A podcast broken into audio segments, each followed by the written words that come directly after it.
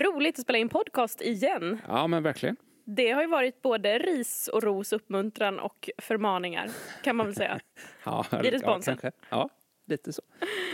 Ja, jag vet inte, det är väl du som har suttit lite grann med statistiken och sett, lyssnar folk? Eller säger de bara att de gör det? Nej, men eh, en del lyssnar i alla fall. Eh, och vi, vi har ju tvingat en del att lyssna också. Frågat, eh, bett om respons. Eh, och det är väl ett smart sätt kanske, att tvinga till lyssning. Men det är glädjande nog så att vi ser att vi når också utanför landets gränser. Vi har ju lyssnare i både USA och Norge faktiskt. Oj, oj, oj. Mm. Undrar vilka det är? Ja, man får gärna återkoppla. Ja, och sprida vidare. Mm, absolut. Vi siktar på ett internationellt genombrott inom snar framtid. Absolut. Kommer vi börja spela in på engelska då? Nej, Nej. Man får eh, spela upp i Google Translate och så blir det en översättning. exakt. Det är så bra.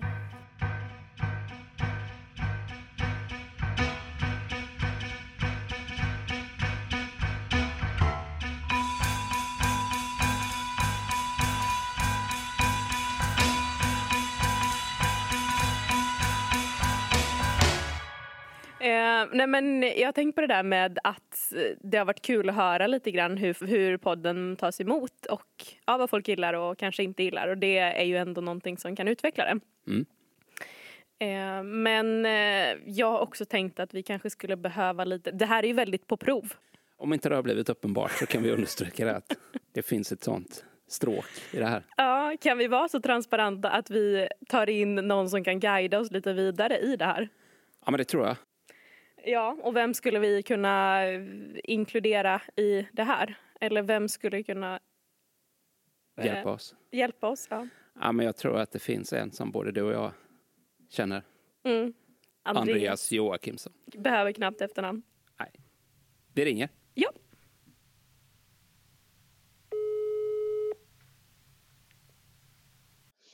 Ja, hallå Andreas. Hallå, hallå! Hur står det till en dag som denna? Ja, men det, det är härligt. Det är lite vårligt sådär gött. Och, så det, det står bra till tycker jag. Mm, vad härligt. Absolut. Så är det ju. Och ni har det bra med? Ja, Absolut. Vi, eh, vi sitter här och, och njuter av tillvaron och slås av det faktum att man, man pratar sällan med människor som är mer positiva än dig. Är det så? Mm. Oh, ja, du. Jag vet inte hur det kan bli så, men, eh, ja, men jag är nog lite positivt lagd kanske helt enkelt. men ja du eh, ligger på någon slags topp tre-lista. Ja, ja, det är gött, gött och, ja, men det är ömsesidigt. Jag är väldigt positivt. Kul att se er. Två Mm. gamla kollegor. Eh, Mm. Och fortsatt också liksom. Mm. Ja, men vi, vi, vi möts ju där, jag och Stina, att vi har jobbat med dig. Och när vi började prata om så här, vilka, vilka eh, känner vi att vi gärna skulle vilja samtala med så då är du högt på den listan. Nu är det så här, du, du är ju välbekant med podden. Du, den har ju låtit tala om sig så att säga. Både, i, både i, framförallt i Sverige men också utomlands. Absolut. Då tänkte vi, Andreas, du som eh, en, gång började med att arrangera konserter i Missionshuset i Månsarp och nu eh, sitter och eh, festivalgeneral för Gullbrannafestivalen som samlar under normala omständigheter i alla fall tusentals människor varje sommar och eh, du har också en historik i eh, tidningsbranschen efter många år med tidningen Ung Tro bland annat.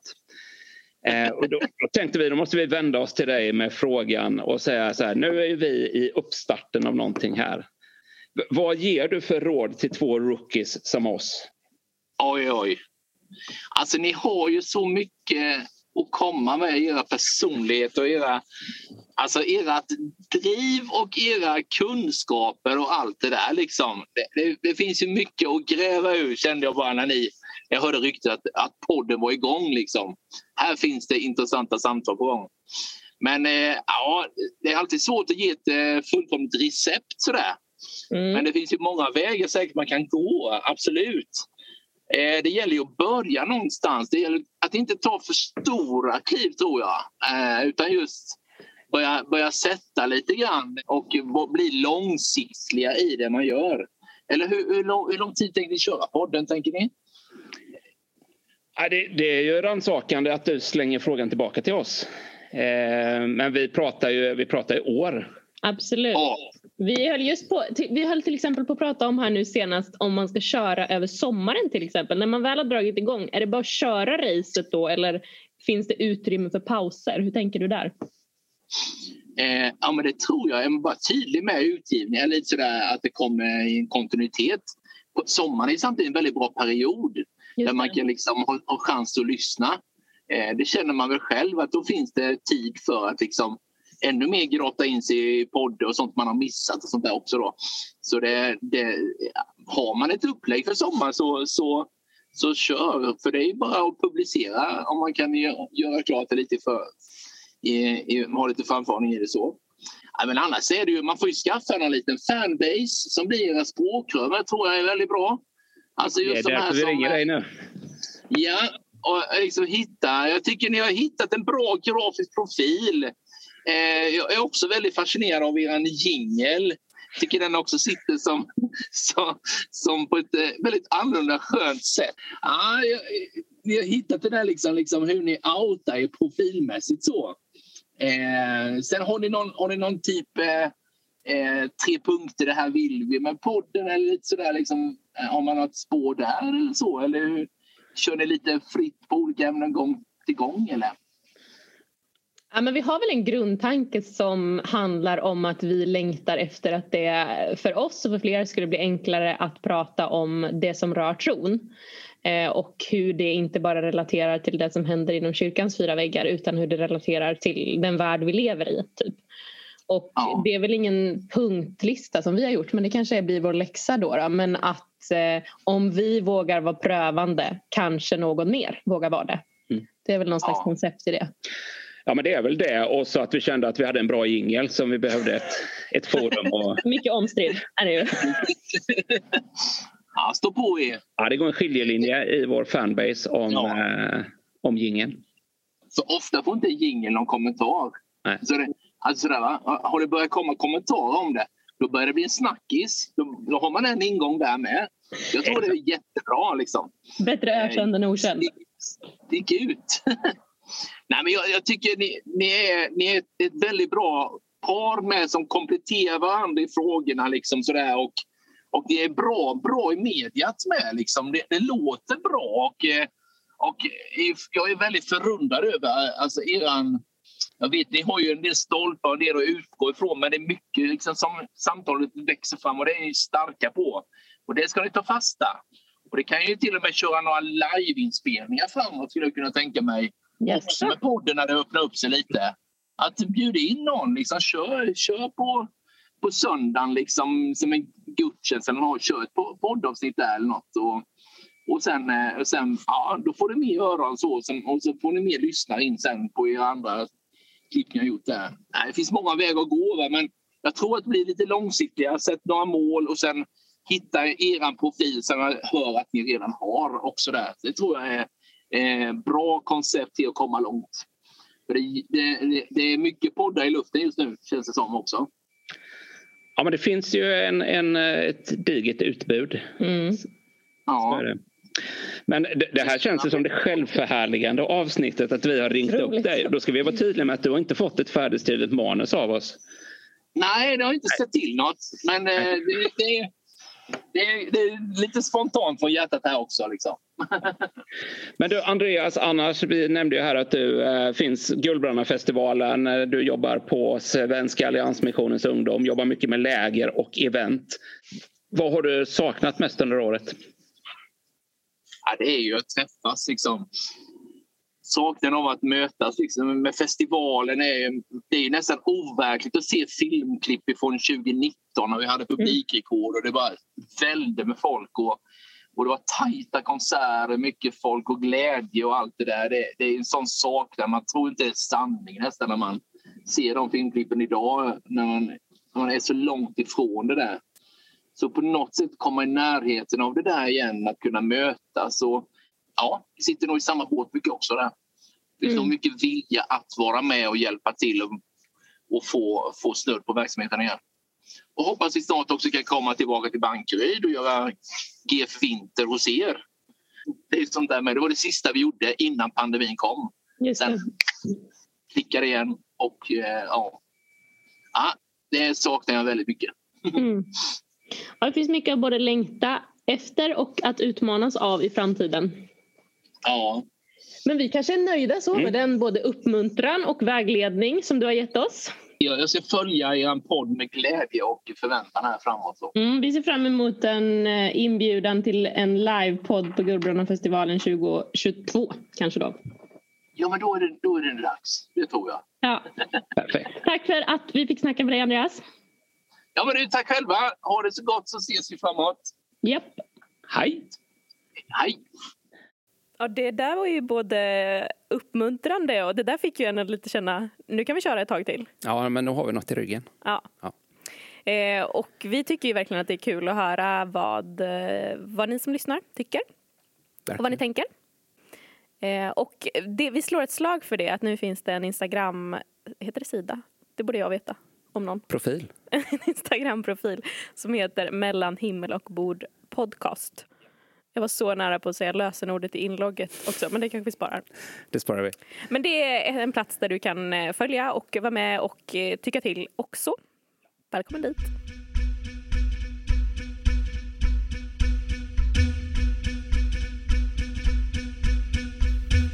Salm eller malm? Vad handlar det här momentet om egentligen? Ja, men här lyssnar vi ju lite grann utanför oss själva till eh, citat från andra. Och då har vi gjort en liten grov eh, kategorisering i Malm som då är skriven text utifrån eh, Magnus Malm som är en författare som du och jag gärna läser. Och eh, psalm det representerar egentligen övriga kulturella uttryck som musik eller film eller så. Så jag har med mig tre citat här. Eh, och din uppgift är alltså att gissa om det tillhör den ena eller den andra kategoriseringen. Jag ska kategorisera. Då låter det så här. Jag gör det för dig som stannar kvar och du som stack och brann från stan. Det rinner nytt vatten under bron och en ny sol stiger över Plaza. Syrran kom tillbaka. Paulus. Jag tror att här har vi att göra med psalm. Mm, det stämmer. Men jag kan inte specificera mer än så. Vi är tillbaka på hiphopen igen. Ah, Det är en eh, hiphop-artist som heter Cleo. Kommer från, eh, ja, hon kommer kanske inte från, det vet jag inte, men verksam i Umeå i alla fall. Så det stämmer. mm. Hon besjunger Umeå i den här sången. Då är jag fortfarande hundraprocentig. Ja, just det. Då kommer en ny här så får vi se. Den andliga smärtan har sin grund i två erfarenheter. Dels människans sorg över att skönheten inte går att hålla fast vid. Dels hennes dragning till det eviga. Minnet av det förlorade Eden och föraningen om det en gång fullbordade paradiset finns i den skärningspunkt som är människans längtande hjärta. Nej, men här skulle jag säga Malm. Nej, jag ger mig inte på mer specifikt än så. Jag kan ha... Mina tankar går i vissa riktningar. Mm. och det är nog ganska svårt att sjunga det här. Jag insåg det Ja. när jag läste det. Det kanske är just, det skulle behöva hiphop Det är i sådana fall. utmaningen till nästa vecka. Man ska rappa fram texten. Eh, ja, vill du gissa ungefär närifrån det är? Är det nutida eller gammalt? Jag skulle nog säga att det är relativt nutida. Mm, det är fel. Eh, men det, de poängen räknar vi inte. Det är Gregorius den store. Han levde väl 500-tal eller någonting. Ja, det kan knappt gå in under nutida. Nej, men det är lite, det, han skrev ju inte på svenska så det är lite fritt återgivet av Ove Wikström som vi har Just det. nämnt Det här. var, Ove fanns ju med Det, han fanns i, i, tankarna. eh, som en potentiell avsändare. Okej, men du har 100 procent här. Är du redo för det sista citatet? Mm. En längtan starkare än någonsin tidigare. Men inte bara i fysisk bemärkelse. Hem till rötterna. Hem i tron till Gud. Eh, nej, men jag säger Malm. Det är Malm. Jajamän.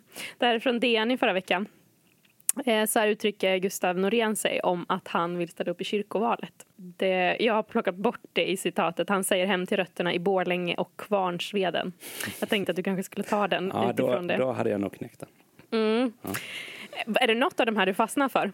Mer än de Eh, nej, andra? men på ett sätt skulle jag nog säga att jag gör eh, rakt över. Men eh, jag tyckte ju Gregorius citatet ändå lockade mig. Men Mm. eh, ja, Det, var lite, det är lite långt och lite eh, svårt att återge rakt av. Men ja, jag tycker att det finns något, det finns något i det där. Som jag har levt med det ganska länge. Det var länge sedan jag läste det där första gången och återkommer ofta till de där formuleringarna.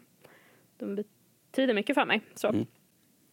Kan du ana vilken tematik jag rör mig kring med de här citaten?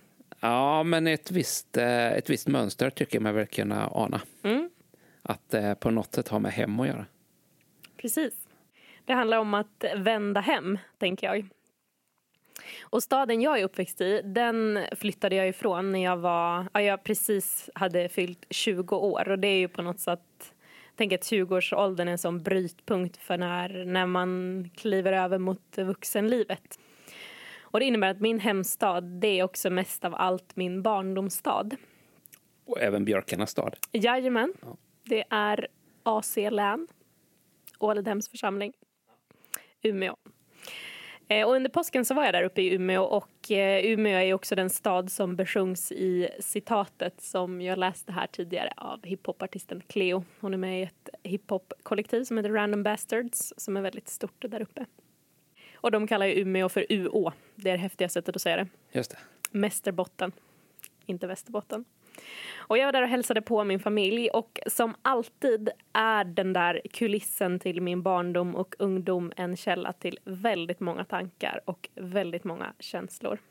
Och eftersom det är så pass långt dit, alltså det är typ 100 mil, så åker jag inte dit allt för ofta. Och det jag tänker mycket är att där omgivningen förblir, där framträder förändringarna i oss allt tydligare. Jag vet inte, vad har du för inställning, för, för känsla kring platsen du växte upp på? Vilken det nu var.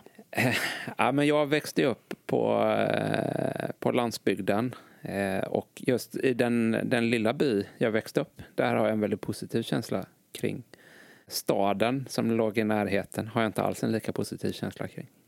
Onämnbar till och med. Ja, den är onämnbar, men den är på det småländska höglandet. Okej. Och det är inte så Eksjö. mycket att välja på. Nej. Nej, men, och jag, det där på något sätt så, så jag har några sådana platser där det där blir jättetydligt. Och när jag åker förbi bygdegården där jag gick förskoleklass år 1997 så är det en plats som jag återkommer till senare i livet också. Och nu senaste gången jag var där var att min, ja, men min närmsta barndomsvän Siri, som är uppväxt i samma by som mig, hon och hennes man Erik, de valde att ha sin bröllopsfest där. Så det är sån, en sån plats, någon slags nollpunkt som jag har återkommit till. Och också när jag gick förskola där så var det så att lokalen under helger uthyrdes till olika fester och en måndag morgon när jag kom dit så hade det varit halloweenfest där. Eh, och lokalen var liksom, som jag minns det, möjligtvis med nostalgins skimmer så var det ett hav av heliumballonger där inne. Jag vet inte vad man har för slags fest om man har ett hav med heliumballonger men det var så jag vet inte vilka, vilka symboler och så mm, som hör till halloween. Men jag minns det att det var pumpor och fladdermöss. Det kan nog ha varit något mer också. Men varje barn tilldelades en av de här heliumballongerna. Har du någon känsla för eller relation till heliumballonger? Eh, nej, men mer, mer till helium som gas. Att eh, det fanns en nyfikenhet kring att förställa rösten med helium. Mm. Vågade du det då? Ja, men det hände någon gång, men, men det var också lite så här förbjudet och man hade hört någon. Man hörde så här att tittar man för mycket på tv får man fyrkantiga ögon och andas man för mycket helium så kommer man få den rösten permanent. Så det var en viss försiktighet ändå. Ja, Nej, men för jag minns att vi fick göra det, det är ju också en parentes, men vi fick göra det på högstadiet. Och att jag backade inför, jag ville inte göra det. Jag, jag var liksom för rädd för, för hur min röst skulle framträda. Lite läskigt så. Men heliumballonger från barndomen så minns jag enbart som så här, wow, det här är bland det största som kan hända en. Det var liksom inte vanliga barnkalasballonger. Eh, som man, om man, hade, man kunde gnida dem mot armen och sen sätta dem mot väggen en liten stund. Men det här var något som hölls upp av sig självt. Ehm, så vi alla fick varsin ballong där och så uppmanades vi att linda den runt handleden så att de inte skulle åka iväg när vi gick ut med dem. Och det tog ju inte lång tid innan vi stod på gårdsplanen där utanför med våra ansikten vända uppåt. Och en av de tre killarna i klassen, han var också min första kärlek, han hade olyckligt tappat sin ballong och så eh, stod vi där och såg hur den blev mindre och mindre och en prick som försvann i oändligheten. Och vi andra liksom höll då allt hårdare i vårt ballongsnöre, vissa om att detta hemska öde kan drabba också oss eh, om vi inte är försiktiga. Och för mig så fanns det, jag vet inte om det var en, en känsla som alla hade, men för mig fanns det något skrämmande i det där. Att jag vis, visste att ballongen som, som nyss var så verklig och nära, nu svävade den iväg till o, okända platser. Och också när jag kommer till den platsen och ser fasaden till byggnaden som jag gick förskola i så gör en minnesregel som jag glömt att jag hade i mig, den gör sig påmind. Att vi fick aldrig gå längre in i den omkringliggande skogen än att förskolans röda väggar gick att skymta. Det var en fast punkt i tillvaron. Har du sådana du kan tänka på från din barndom? Eh, men det har jag säkert, och, men jag styrs ju nu i tanken. När du pratar om det så styrs jag ju till, eh, till min, min skola som jag gick, som var en liten landsortsskola med vi gick både två och tre årskurser ihop tror jag i samma klass. Klassisk landsort. Ja, verkligen så. Men den var gul. Men det var nog något liknande där. Jag uppehöll mig mest på asfaltsplanen direkt utanför eh, dörren och spelade mycket landbandy. Och jag åkte faktiskt förbi för några månader sedan och insåg hur starkt minnet var av eh, landbandyn och framförallt eh, när min klasskompis Lasse, som då var ett år äldre än mig, inte fick vara med för att han hade fått en klubba i ögat. Och så fick han inte spela, men han fick stå i mål och så lyckades jag med konststycket att dra med en sten när jag sköt och sköt honom i det friska ögat. Ja. Ja, starkt. Förhoppningsvis gick det bra för honom ändå. Ja, men det gjorde det. Det tror du? ja, nej men jag kan tycka att det finns, alltså när man kommer till vissa av de här platserna, är det som att tiden flyter ihop. Alltså att man knappt vet vad är, vad är nu och vad är då. Och så tänker jag på den där heliumballongen som slet sig loss. Och så tänker jag på att vi alla i den där förskoleklassen nu lever långt ifrån den där röda väggen som vi absolut inte fick lämna och stegen togs på något sätt ut i det okända. Och utifrån det så finns det kvar i mig en molande längtan efter allt det som gått förlorat i tiden. Och så tänker jag på Gustav Norén som jag citerade här innan. Jag tänker på hans hemlängtan som för honom till engagemang i sin, i sin hemort rent politiskt och som för honom mot Gud. Och så tänker jag att den där längtan är det inte bara Gustav som har utan jag känner igen den. Jag brukar lite skämtsamt säga att jag önskar att jag inte vore begränsad av tid och rum. Och det är helt enkelt inte för att jag önskar att jag vore någon supermänniska på så vis utan för att jag har bott på så många platser och älskar människor som är för många och för utspridda för att jag någonsin ska kunna samla dem alla. Och så brukar jag också, mycket på skoj men med en ton av allvar, säga att jag önskar att jag aldrig lämnat staden jag är uppväxt i. Alltså att det finns någonting som lockar mig i att låta ens liv, mitt liv och mina relationer vara förankrat på enbart en plats. Men så har jag inte valt att leva. Och så blir det ännu mer invecklat det här i att jag inser att saker heller inte förblir oförändrat. Att när jag kommer till Umeå nu så är det en annan stad än när jag flyttade därifrån för snart tio år sedan. Väldigt många av våra, ja, men kanske både små och stora städer byggs ju om och stadsbilden förändras. Och i somras så bad jag min pappa att, att köra mig till de platser som han tillbringade mycket tid på när han var liten, till kvarteren i Skellefteå där han och hans familj bodde och inser att resan där mest av allt blev ett utpekande av saker som en gång stod där men nu ser annorlunda ut. Människor och platser som inte finns kvar. Och ursprunget som fysiska platser och människor vi relaterar till de märks av det som brukar kallas för tidens tand. Eh, varken vi eller det vi återvänder till förblir oförändrat. Och det som på något sätt blir frågan som, som jag funderar på i resandet hemåt är kan vi någonsin återvända hem? Finns det något att komma tillbaka till eller behöver vi skapa oss ett hem själva sen som vuxna? Och Bibelns berättelser de utspelar ju sig under en väldigt lång tid. Jag vet inte hur många tusen år det är, men ett gäng. Och med en så stor kulturell och socioekonomisk variation att vi möter ju där både nomader och bofasta generationer. Vi möter hemlösa och slottsboende. Men i berättelsens början så finns människan på en avgränsad plats. Människan finns i ett hem. Och för att liksom koppla bilden, eh, vi fick lära oss på förskolan att vi inte fick vända ryggen mot förskolans vägg utan vi skulle hela tiden ha blicken på den så att vi inte skulle gå vilse. Och på något sätt så var det också så för de första människorna.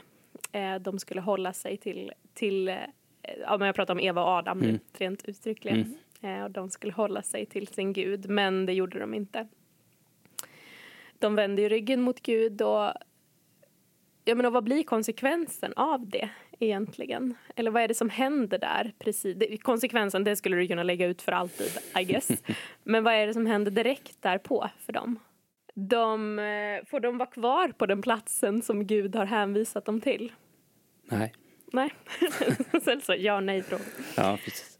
Um, nej, men de uh, fördrivs från sitt hem rötterna slits upp på något sätt. Där de har kommit till och eh, också lärt känna varandra, världen. De skickas iväg därifrån. Och Bibeln är sen fylld av berättelser som både frivilligt lämnar och människor som tvingas lämna sina hem. Också om berättelser som återkommer. Eller, eller berättelser om människor som återkommer till sina hem. Kan du tänka på någon sån? Ja, men det finns väl en, en given i alla fall. Det mm. finns säkert flera, men eh, den förlorade sonen som efter ett liv långt hemifrån vänder hem. Mm. I sus och dus brukar folk säga Jag var på väg att säga det. Ja. Och vad får, han, vad får han se när han kommer hem? Han får ju se sin far. Mm. Mm. Han får en, öpp, en öppen famn. Det finns en plats att återvända till. Mm. Och den berättelsen har berört människor eh, många och på många platser. Så berör också mig. Och jag vet inte, men, men jag tänker att i alla fall i mig och jag vet inte om du kan känna igen den känslan så finns det en känsla det här att det finns något som gick förlorat någon gång som jag inte förmår återskapa. Kan du känna igen det? Ja men absolut. Både ibland kanske i konkret form men ibland också som en som man kallar det, förnimmelse mm. eh, av att så är fallet. Mm. Och det, det kanske för mig är det barndomen som jag tänker på. Platsen jag växte upp på, människorna jag relaterade till som nu är annorlunda och som jag nu ser med andra ögon på. Och sen så blir det också att jag går till mig själv och ser att jag förändras och jag kan inte återgå till det jag var för fem eller tio år sedan. Och i Gamla testamentet så kan vi ju se hur Israels folk, de har ju väldigt tydligt en, ett hemland under en period och det är ju happy times för dem. Men det är inte en jättelång period. Utan de, de som folk får ju sen uppleva att de, deras liksom hem tas ifrån dem. Och stora delar av Gamla testamentet är ju liksom gråt och klagan över detta och nostalgiska tillbakablickar till hur bra vi hade det innan. Och jag det kanske bara är att jag är en obotlig nostalgiker som gör att jag känner så här. Att jag känner så mycket när jag kommer till de platser som jag levt och blivit till på. Hur, hur känner du för att vara nostalgiker? Vad, vad väcker det i dig? Ja, men det, jag, jag har ett jättekluvet för, förhållande till nostalgi. Eh, att jag kan ha svårt för det, men jag kan också se se det i, i mitt eget liv. Och eh, ja, men som en nostalgisk livshållning som hela tiden blickar tillbaka mm. och, och, vill återskapa någonting som varit. Det har jag ganska svårt för. Däremot glimtar av nostalgi är nog ofrånkomligt så att jag lockas av och senast igår så åkte vi hem från mina föräldrar och jag ville ta en annan väg genom samhället jag växte upp i just för att få visa platsen jag lekte på. Var intresset stort? Nej, det var eh, vare sig från eh, fru eller barn var det säkert stort. Ja, det, Det, var, det enda frågan var nog mer så här, blir detta en längre väg hem? ja, men det är tyvärr ofta det vi erfar när vi själva återvänder nostalgiskt till platser. Jag har några sådana ställen i Jönköping som jag alltid pekar ut. Här bodde jag de här åren och folk så här. Vi vet, du sa det förra gången också. Eh, att det är ofta en väldigt personlig erfarenhet av något som kan vara svårt att få någon annan att förstå. Ja. Eh, och jag kan ju säga det att jag, jag sa ju innan att min, jag bad min pappa att köra mig till platserna han hade varit på. Jag har fått erbjudandet ett par gånger innan jag nappade kan jag säga. Det var inte enbart att det kom från mig. Så. Nej, men det kanske är någon slags... eh, Jag tänker att det finns ett, en viss, viss mängd vuxenpoäng att hämta i att be om det, som du gjorde där. Att, Mm. att få se en annan generations rötter. Ja, nästa steg är ju släktforskningen. Ja, Det, kanske är några år kvar. Mm. Kan vara så. Nej, men, och jag tänker att, som du säger, att det finns att det kanske är så att nostalgin är en väg vi ska passera snarare än en väg att stanna på om jag bygger vidare på bilden från när ni körde hem här Mm. häromdagen. Eh, men jag tror inte att vi ska helt hoppa över den. Eller om det här är nostalgi, nostalgi eller inte, det vet jag inte riktigt. Det får väl ni som lyssnar avgöra. Men jag tror att det finns en poäng med att inte enbart hasta förbi känslorna av maktlösheten inför tidens tand utan att identifiera dem. För jag tror att de står för en, en djupare längtan. I Predikaren i Gamla testamentet så står det om människan att evigheten är lagd i hennes hjärta. Och jag tänker att det handlar om att vi längtar hem. Det finns en hemlängtan i mig. Jag ser det och den tycks inte kunna mötas av någon plats på jorden för att de platserna förändras och försvinner och jag förhåller mig till, eh, på ett annat sätt till dem.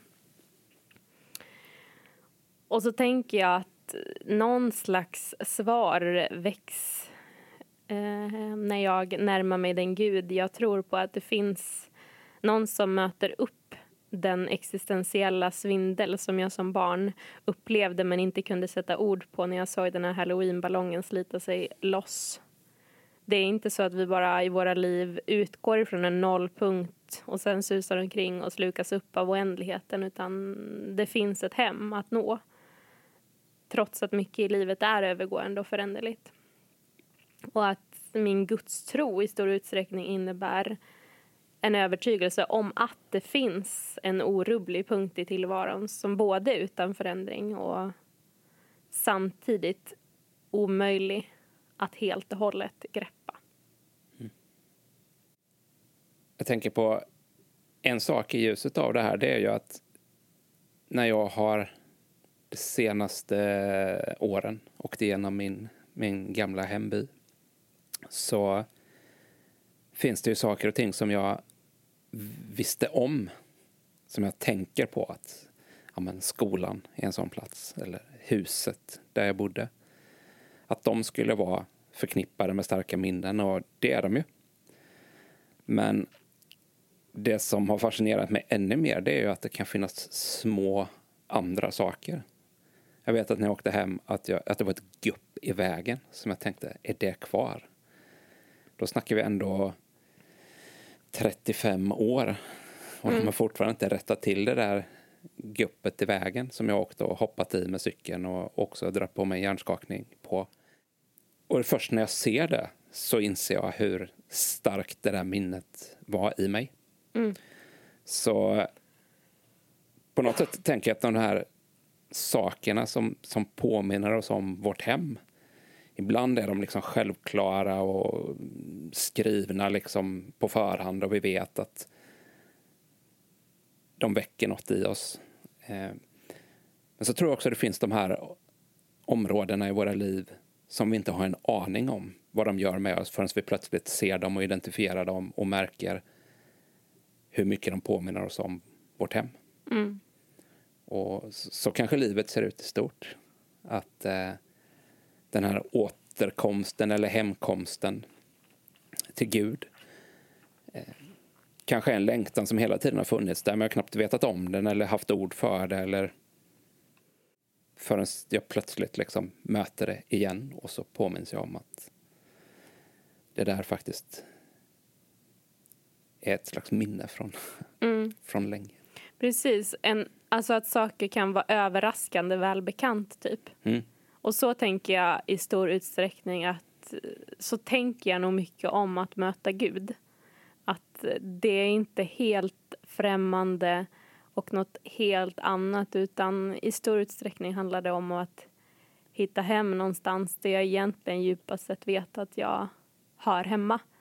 Eh, även om jag inte har tänkt det eller velat det. Men att där finns en plats för mig. Och jag tänker att, att det finns något väldigt... Alltså att, eh, om man får återgå till det citatet, citatet av Gregorius där. Gregorius den store, alltså det är också en tid då man fick ett epitet bara utifrån den store. What- Whatever that means. Nej men att, att vi både att människan både sörjer skönhet, att det inte går att hålla fast vid skönheten. Det kan jag verkligen känna igen. Att när jag ser, erfar, är med om något jättestort så, så gör det nästan ont för att jag kan inte hålla fast det. Alltså jag kan fotografera det eller skriva ner det men jag vet att det är för stunden och så ser livet ut. Att saker liksom passerar oss.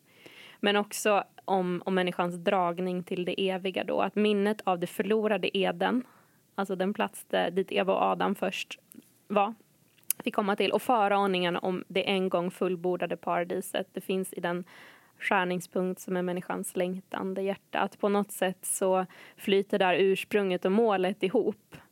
Ehm, och det gör att hemkomsten till det vi egentligen liksom kallas till, om man använder det ordet, alltså ska till, dras mot, längtar efter, är någonting väldigt, väldigt välbekant som redan, som redan finns i oss. Och då är det inte konstigt att, att de där känslorna och tankarna kan väckas inför alla möjliga saker. Ja, men jag blir ändå kvar också i den, den tanken du säger att vår, vår ständiga vilja att äga saker och ting eller att eh, hålla kvar i stunden. Mm. Och att så mycket av det här som, som du är inne på, det är ju sånt som inte riktigt kan fångas eller ägas eller så. Och jag inser i mitt eget liv eh, hur ofta det där sker att jag upplever någonting som, som är fantastiskt och så måste jag föreviga det för att komma ihåg det. Och, och sen när jag ser tillbaka på det så inser jag varför höll jag på med det här, som du säger, att fotografera. Jag har ett sånt minne från min, min sista, den sista konsert jag hann gå på innan, eh, innan pandemin slog till. Eh, där jag åkte iväg till Göteborg och gick på Refused. Och eh, när jag tittade igenom min, mitt album i telefonen så insåg jag hur mycket bilder jag tog och kan nästan så här i efterhand ångra varför gjorde jag det? Varför la jag inte bara ner telefonen och var närvarande? Mm. Och jag tror att det finns någonting i det där också som påminner oss om, eh, om livets ändlighet. Eller, det finns ju mängder av sådana uttryck som handlar om att liksom, saker som slipping through my fingers säger man på engelska, jag vet inte om man säger så på svenska. Men att nästan ju mer jag försöker hålla i någonting desto, desto större blir distansen till det. Att jag har sett folk liksom livesända hela konserter till sina Facebook-följare och sen undrar man, var du där överhuvudtaget? Ehm, och att det ingår ju i livet som koncept att så här, och det, det har ju uttryckts på alla möjliga sätt, carpe diem, eh, blott en dag. Men jag tror att det finns en djup, eh, liksom, en djup sanning och någonting att fångas upp av i att det som händer nu händer bara nu. Och att försonas med det. Det kommer inte tillbaka men det finns någon som alltid består och som kommer tillbaka och som jag får komma tillbaka till. Och, ja, att igenkänna den längtan hos sig, typ.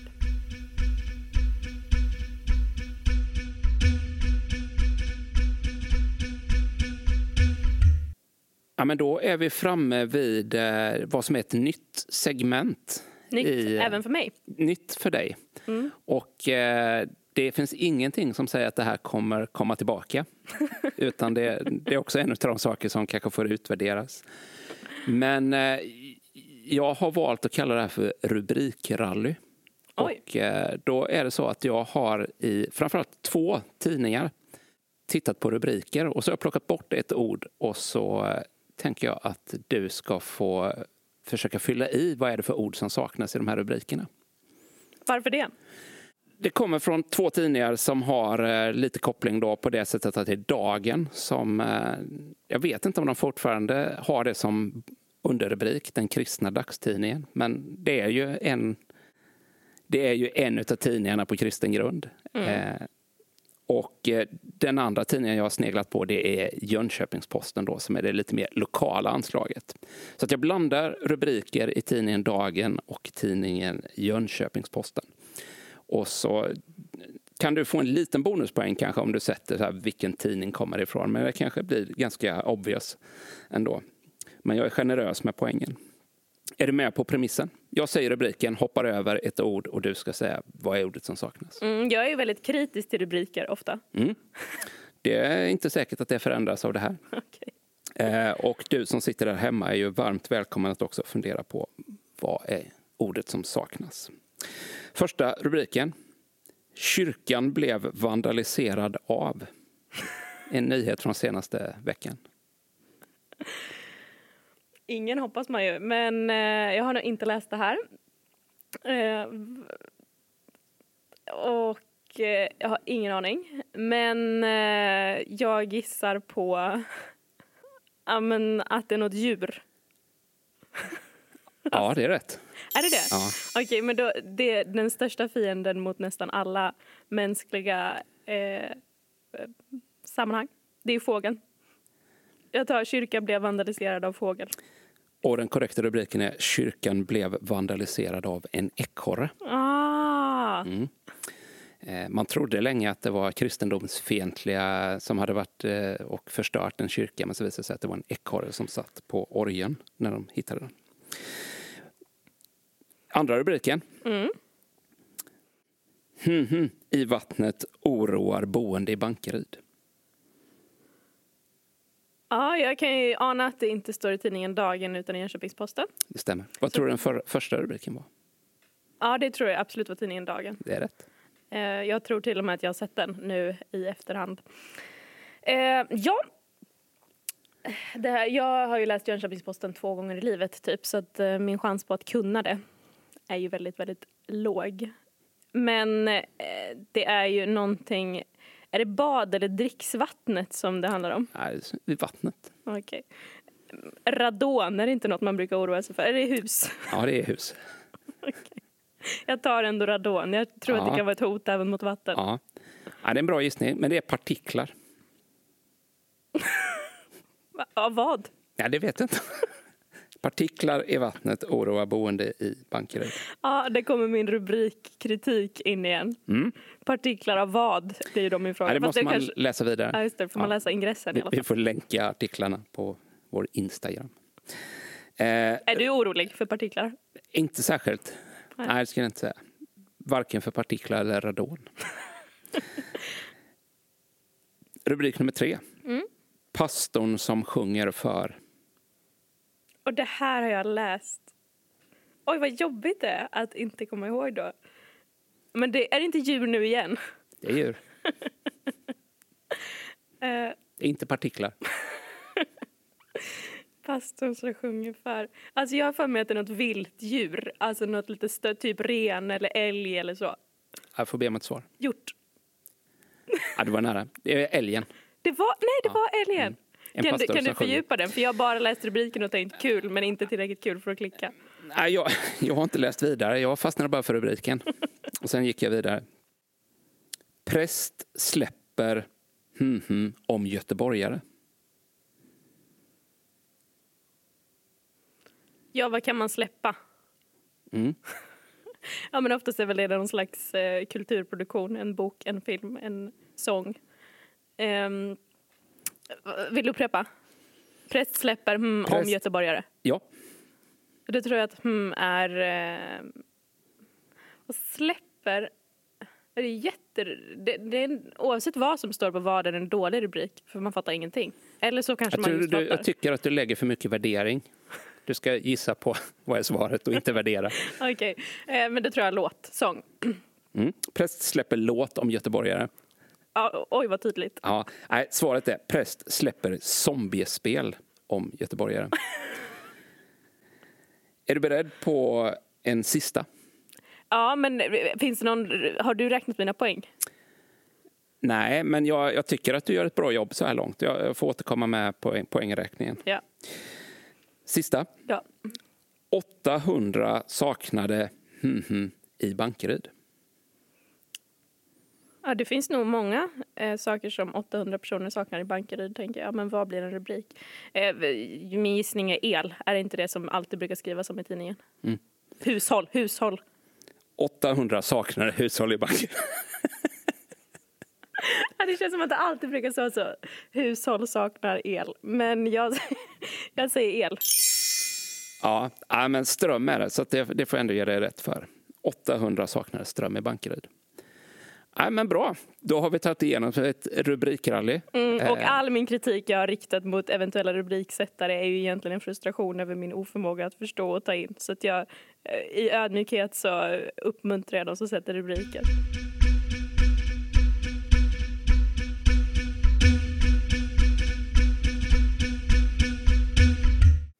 Ja, men jag kan ha varit inne på det här i något tidigare avsnitt. Det är så här, vi är avsnitt tre och jag börjar upprepa mig själv lite grann. Medvetet eller omedvetet så pågår det ju ständigt processer inne i huvudet eh, på mig. Och en av de där processerna det är att jag gärna delar upp tillvaron i olika kategorier. Och vissa saker kan ju vara jätteenkelt att snabbt kategorisera och avgöra vad det är eller om det är bra eller dåligt eller sådär. Och då tittar jag ofta på tillvaron utifrån en sån uppdelning och gör nog den här det här pågår liksom ständigt och så kategoriseras det på olika sätt i mitt inre valv på något sätt. Har du någon vardagsexempel på en sån kategorisering? Vi är nog väldigt mycket inne i att hela tiden fundera på är det bra eller är det dåligt? Är det ja, nyttigt eller onyttigt eller sådär? Det, nu sätter du mig på pottkanten. Gillar du tallriksmodellen? Är det så konkret liksom? Nej, jag, nej, men jag fungerar inte alls så. Utan det är nog snarare att allting som möter mig märker jag att jag ständigt återkommer till att jag vill kategorisera på ett eller annat sätt vad det är för någonting. Sådär. Och eh, på det sättet är jag nog ganska så systematisk, omedvetet systematisk. Även om det yttre livet är ganska kaosigt ibland sådär, så, så på insidan så kategoriseras det flitigt. Så. Och för ett antal år sedan så hade jag, eller jag har fortfarande en vän, men han använde i ett samtal en sån här formulering som har dröjt sig kvar. Han pratade om, eller han problematiserade den moderna binära logiken. Och jag har ofta återkommit till den där formuleringen. Och vad han menade med det, det är ju att en modern binär logik, den vill hela tiden dela upp tillvaron i ettor och nollor. I antingen eller, i svart eller vitt, eller i rätt eller fel. Poängen med hans kritik, det var ju att erfarenheten av tillvaron är att det är ganska sällan som tillvaron är så binär. Att den är antingen eller, utan det finns ofta en gråskala, ett både och. Och för den som känner mig och har mött mig och pratat med mig så är det nog en ganska illa dold hemlighet, om det nu ens är en hemlighet, att eh, mina tankebanor går ofta i de här banorna. Att det är å ena sidan så, å andra sidan så. Och jag kommer på mig själv med, och den som lyssnar här har troligtvis hört det, att ett av de ord jag flitigast använder det är ordet samtidigt. Att jag liksom hela tiden vill hitta olika perspektiv på saker och ting där. Och det där är väl i alla fall delvis sprunget ur någon slags livserfarenhet och om man ska kalla det någon slags ödmjukhet inför det faktum att vi inte alltid har hela bilden. Att tillvaron väldigt sällan är helt binär. Och jag tycker att det finns något klädsamt med människor som möter andra människor eller företeelser med utgångspunkten att det oftast finns en, en grå skala. Sådär. Men, och nu gör jag det igen då, men samtidigt så finns det någonting i mig som längtar efter att våga positionera sig. Och jag börjar med åren få en slags återupprättad tilltro till att det ska vara möjligt att faktiskt våga tro, tänka och tycka något utan att för den sakens skull behöva sluta att lyssna och vara öppen för nya perspektiv. Och jag kanske slår in öppna dörrar här, men ibland kan jag känna mig lite fången i att jag känner mig inte hemma i en svartvit förenklad världsbild. Men jag känner mig heller inte hemma i en normlös tillvaro som inte kan ge någon annan vägledning än att ställa frågan vad tänker eller vad känner du själv? Och det sammanhang som jag både älskar och är en del av och som jag dessutom är satt att vara ledare i så tänker jag att kyrkan också befinner sig i den här brottningen. Historiskt har det ju funnits starka, både uttalade och outtalade mönster och riktlinjer att förhålla sig till. Och, eh, ibland har det inte varit önskvärt eller ens möjligt att fråga om varför det har sett ut på ett visst sätt utan det har bara funnits ett så här är det och förhåll dig till det. Och med en insikt där att jag nu gör en väldigt sån här säga, förenklad spaning så tänker jag att det är ett ganska rejält lappkast från en tillvaro där allt var givet och inte skulle ifrågasättas till en tillvaro där ingenting längre är givet och där allt inte bara kan utan också ska ifrågasättas.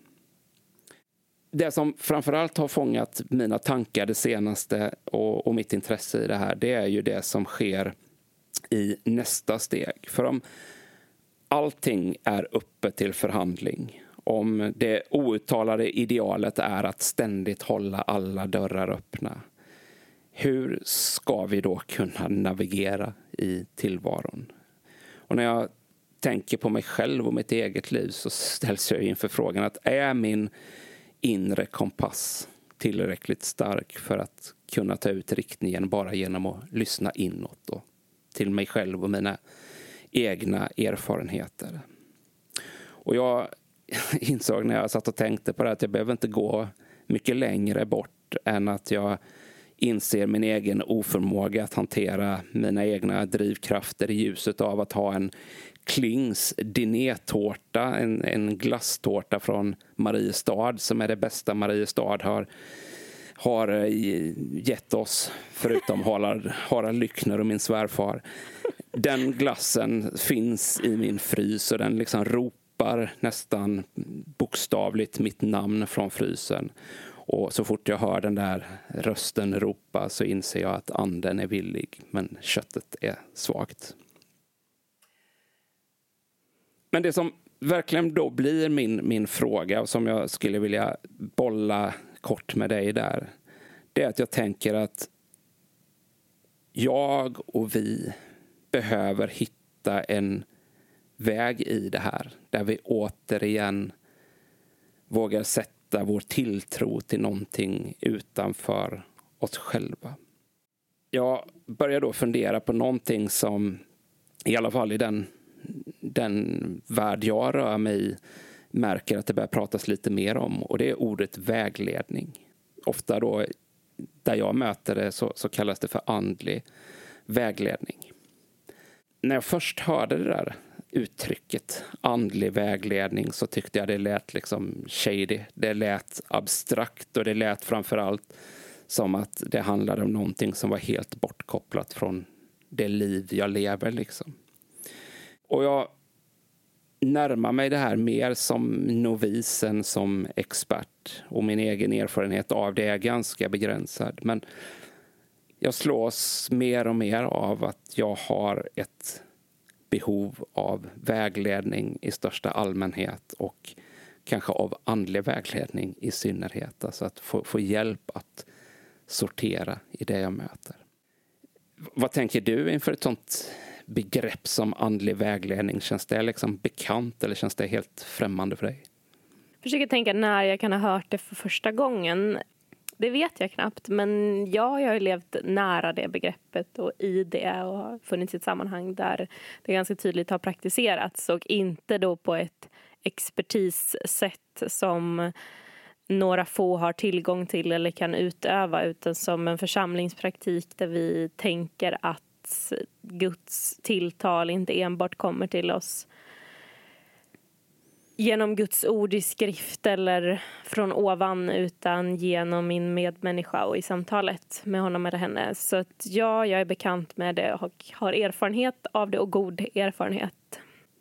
Jag tänker att det finns väldigt viktiga erfarenheter att göra i, i, i samtal med erfarna och utbildade andliga vägledare. Men det där är någonting som, som kan och kanske också bör ske nära vardagslivet i mm. vänskapsrelationer, telefonsamtal eller i möten människor emellan. Och jag satt och reflekterade lite över hur jag förstod det här och så googlade jag också och så stötte jag på en, en definition där man skrev att målet med samtalet är inte först och främst att lösa problem eller att må lite bättre. Grundfrågan är istället var Gud finns i mina livserfarenheter. Hur Gud ger sig till känna och vad det innebär att följa Jesus i den aktuella situationen. Svaren finns inte hos vägledaren, utan hos Gud som man uppmuntras att samtala med så ärligt som möjligt. Och jag fastnade framförallt på den där sista meningen att svaren finns inte hos vägledaren utan hos Gud knyter vi an lite grann till, till det du var inne på med, med hemkomsten. Att vårt hem djupast sett kanske är hos Gud. Och att vägledarens uppgift är inte att själv utgöra svaret på min längtan eller mina frågor utan snarare just att peka mig i en riktning, att hjälpa mig att hitta vägen hem. Och när jag läste det här så drabbades jag väl också av det här hur starkt privatiserad vi har gjort tron. Att tron väldigt lätt blir mellan mig och Gud, vilket jag tror att den är. Men att den också liksom förväntas att stanna där. Att, all, att det som sker mellan mig och Gud är bara vår ensak och ingen annan har med det att göra. Men jag tror att vi ibland också kan få hjälpa varandra i de här processerna. I kyrkan men också utanför kyrkan. Att genom att samtala, genom att dela våra erfarenheter och vår, vår längtan. Att också hjälpa varandra att få syn på Gud i allting och att framförallt våga tala sant till Gud. Jag tror att du har använt ett, ett uttryck eh, som du nog har stulit. Säkert. Men som du har återkommit till att allt jag har lärt mig om Gud har jag fått ifrån någon annan. Mm. Mm. Ta, tagit emot, tror jag det innehåller någonstans. Vad tänker du att ett sånt uttryck betyder? För jag har hört dig säga det flera gånger. Vad, vad i det är det som Jättemycket. Men alltså dels så kommer det av en erfarenhet av att jag har rört mig i ja, men förhållandevis många olika kyrkliga miljöer, både Sverige och, och utomlands och inser att hur vi talar om Gud och förhåller oss till honom ganska många gånger är format av dem vi finns med och av vår kultur. Och eh, där jag kan se att eh, ja, men kanske i mötet med det andra då, det som jag har tyckt har varit främmande, framförallt jag har jobbat inom, eh, inom pingstsammanhang i Sydamerika som både kan vara högljudda och röriga så, eh, och som för mig har känts främmande då. Och i mötet med andra kulturer har jag fått brottas mycket med frågan, vem är det som har rätt egentligen? Att jag gärna, jag är nog lik dig, att jag gärna kategoriserar och vill säga är det här bra eller inte. Och om man ska gå till någon slags demokratisk princip eh, så jag har varit i sydamerikanska länder en del då som är stora och fått inse att eh, de är fler än vi i Sverige och eh, kanske är de som har flest de som är flest har kanske rätt. Eller så har ingen rätt egentligen utan att det är olika sätt att förhålla sig till saker och ting. Men det som jag insett i mötet med andra är att jag tänker och tycker vissa saker och att de oftast är tillkomna i, en viss, i ett visst sammanhang mm. och att jag kan se människor, både vars liv och vars formuleringar som finns djupt förankrat i mig.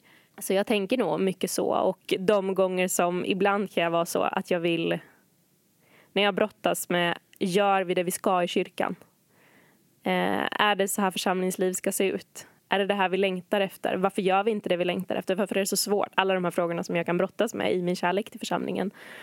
Så inser jag att liksom, det finns ingen annan plats än i den kristna gemenskapen som jag får ta emot mer eh, av. Alltså det är där jag får ta emot Gud själv. Och fått lära mig vem han är och hur livet ser ut tillsammans med honom. Och därför vill jag fortsätta tro på det sammanhanget för att jag tror att det kan vi få ge vidare. Så ja, det finns väl jättemånga olika aspekter av det där. Men jag, jag och det, det sa jag väl tidigare, men jag tror att ibland så när vi vill kategorisera så, så kan vi säga att Gud kan tala till oss och så kan andra människor tala till oss. Och, det, och ibland så är det så att Gud talar genom andra människor. Inte för att det är något särskilt med dem, men för att vi i det mellanmänskliga mötet, att det händer någonting där som gör att vi kan få tag på någonting som är utanför oss själva och de perspektiv som vi redan har och kanske många gånger, eller i alla fall ibland, kör fast i. Du och jag, vi sitter ju också här som, som pastorer. Vi är anställda i en församling och det kanske är lätt att titta på oss utifrån och tänka att ja, men ni är ju proffs på frågor om Gud och tro och kyrka och sådär. Men jag tror att också vi, både du och jag, men pastorer och eh, människor i allmänhet, vi brottas alla med just den här det som vi läste om i texten här, att eh, kunna tala så ärligt som möjligt med Gud. För också där kan den här moderna binära logiken lägga som en slags raster i relationen till Gud. Och så tänker jag att det finns områden i mitt liv som har med Gud att göra. Och så finns det områden som inte har det. Men en av mina främsta erfarenheter av att ha blivit vägledd det är att det har hjälpt mig att se att tillvaron många gånger är betydligt mindre uppdelad än vad jag tenderar att göra den. Att jag inte har ett andligt liv och ett yrke yrkesliv vid sidan av, ett familjeliv vid sidan av det, fritid vid sidan av det. Utan jag har ett enda liv som rymmer allt detta. Och kanske att vi behöver hjälpa varandra att kunna se det. Att vi har ett enda liv. Och där tänker jag att kyrkan har ett uppdrag att vara en vägledare. Inte som en slags koloss som pekar ut riktningen frikopplat från det enskilda livet utan tvärtom kyrkan som en gemenskap människor emellan, precis som du beskriver. Där vi utifrån våra erfarenheter får vägleda varandra, uppmuntra varandra och hjälpa varandra att kunna sätta ord på det vi längtar efter och drömmer om. Och inse att tillvaron kanske inte är så fragmenterad och så uppdelad utan att vi har ett liv vad, vad tänker du kring det här? Jag tänker dels på att eh, jag är jättebra på att ifrågasätta saker. Eh, och att ibland så kan ju det vara en, en dead end. Eh, det finns, jag har sett en bild på ett eh, graffitiklotter. Kallas det så? Graffitiklotter? I don't know. Mm. Ehm, men, graffitimålning. Graffitimålning, mm. ursäkta. Ehm, där det står question everything. Och så är det någon under som har skrivit why. Ja. Och så tänker jag att då skulle någon kunna komma dit igen och skriva Why? Are you writing why? Mm. att jag har tänkt på det där att ibland så vi kommer inte alltid längre för att vi ställer en till fråga utan snarare att vi väljer att lyssna på svaret kanske. Mm. Vi frågar någon annan. Och så kan jag tänka på både det faktum att när jag läser berättelsen om Jesus och de som lärde känna Jesus så handlar den kristna tron väldigt mycket om det levda livet och de mellanmänskliga relationerna. Eh, både att det finns mycket att förstå av vem Gud är och vårt behov av honom i våra mellanmänskliga relationer. Men så tänker jag på, det är väl, jag vet inte vart det står, men jag vet att det står att eh, om det uppstår en konflikt mellan två personer i församlingen så finns det lite konkret eh, vägledning. Och då så, det, finns, det finns någon form av ordning där. Först gör du så här och sen gör du så här. Och där står det en del i det att det som kanske sen har tolkats lite galet och som har gjort att människor har blivit väldigt eh, utlämnade i församlingsgemenskapen. Men där det finns praktiker som handlar om att om du och jag inte kommer överens att inte tro att, det är en, att, att svaret är att antingen har du rätt eller så har jag rätt. Eller så får vi eh, helt enkelt komma överens om att vi, vi kan inte enas i det här och gå åt varsitt håll. Utan tro att det finns andra som kan göras delaktiga i den processen och tala in i, i vår konflikt eller det som har uppstått oss emellan. Så att jag tänker att behovet av den större gemenskapen och som jag tänker mycket liksom en blick utifrån. För ens blick när man är mitt i någonting kan bli ganska grumlig. Och eh, ja färgad av alla möjliga drivkrafter. Men när jag får uttala någonting för någon annan, vare sig det handlar om en mellanmänsklig relation eller om det enbart handlar om mig, så kommer det lite upp på bordet och jag får hjälp att se det utifrån och vägledas vidare. Är du med på vad jag menar då? Mm. Och det är väl kanske just det som gör den här vägledningen så pass viktig. Att, eh, dels så tror jag att, att avsikten med våra liv är att vi inte ska leva isolerade från varandra utan det, det är vad vi också är skapade för, att dela livet med varandra.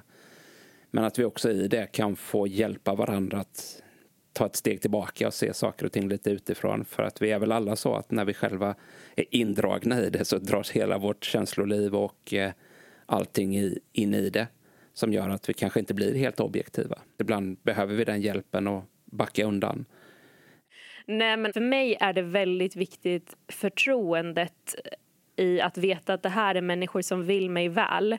Eh, som eh, inte bara objektivt ser på situationen utan både har en förmåga att hjälpa mig att zooma ut men också att se till mig som människa, mm. som kännande och som vet lite av mina erfarenheter och, och så.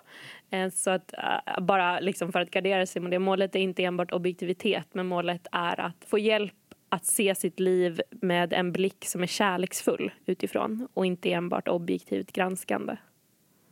För det kommer det nog robotar för snart, tror jag. Mm. Ja, och då är vi tillbaka i den moderna binära logiken. Det. Att eh, det objektiva tenderar att vilja göra just det och säga att ja, men det ska kategoriseras si eller så. Och kanske att det faktum att vi är människor och att vi får vägleda varandra som människor hjälper oss också att inte bara sterilt se på det utan att också göra det med en kärleksfull blick.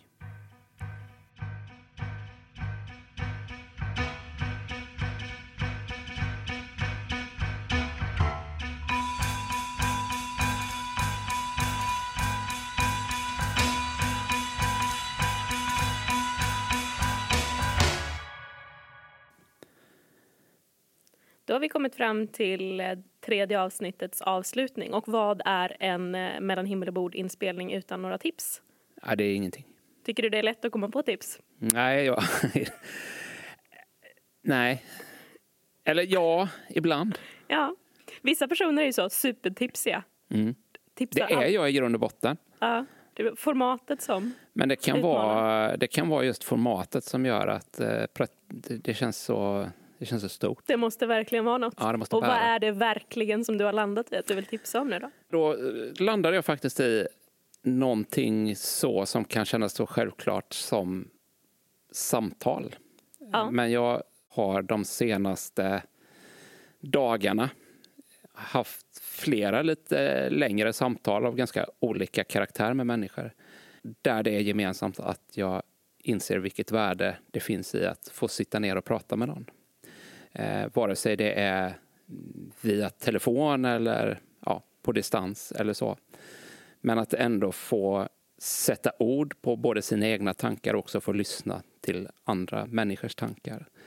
Så att eh, ett tips är ju att ändå försöka hitta tid och plats och forum för att ändå samtala trots att omständigheterna är som de är att inte låta samtalet tystna helt. Mm, för det är ju lätt att om vi möts nu till någonting så är det med en agenda. Mm. Samtalet är ju agendalöst. Mm. Vilket gör att det kan hända saker där. Precis. häftigt. Så det är mitt tips. Tack. Eh, vad tänker du? Nej, men jag spinner lite på det som jag har talat om med hemlängtan. Och att jag tycker att det är häftigt det som händer i en, eller i alla fall i mig, när jag kommer till platser som jag har en stark relation till. Eh, där jag på ett eller annat sätt har, har formats eller eh, erfarit olika saker.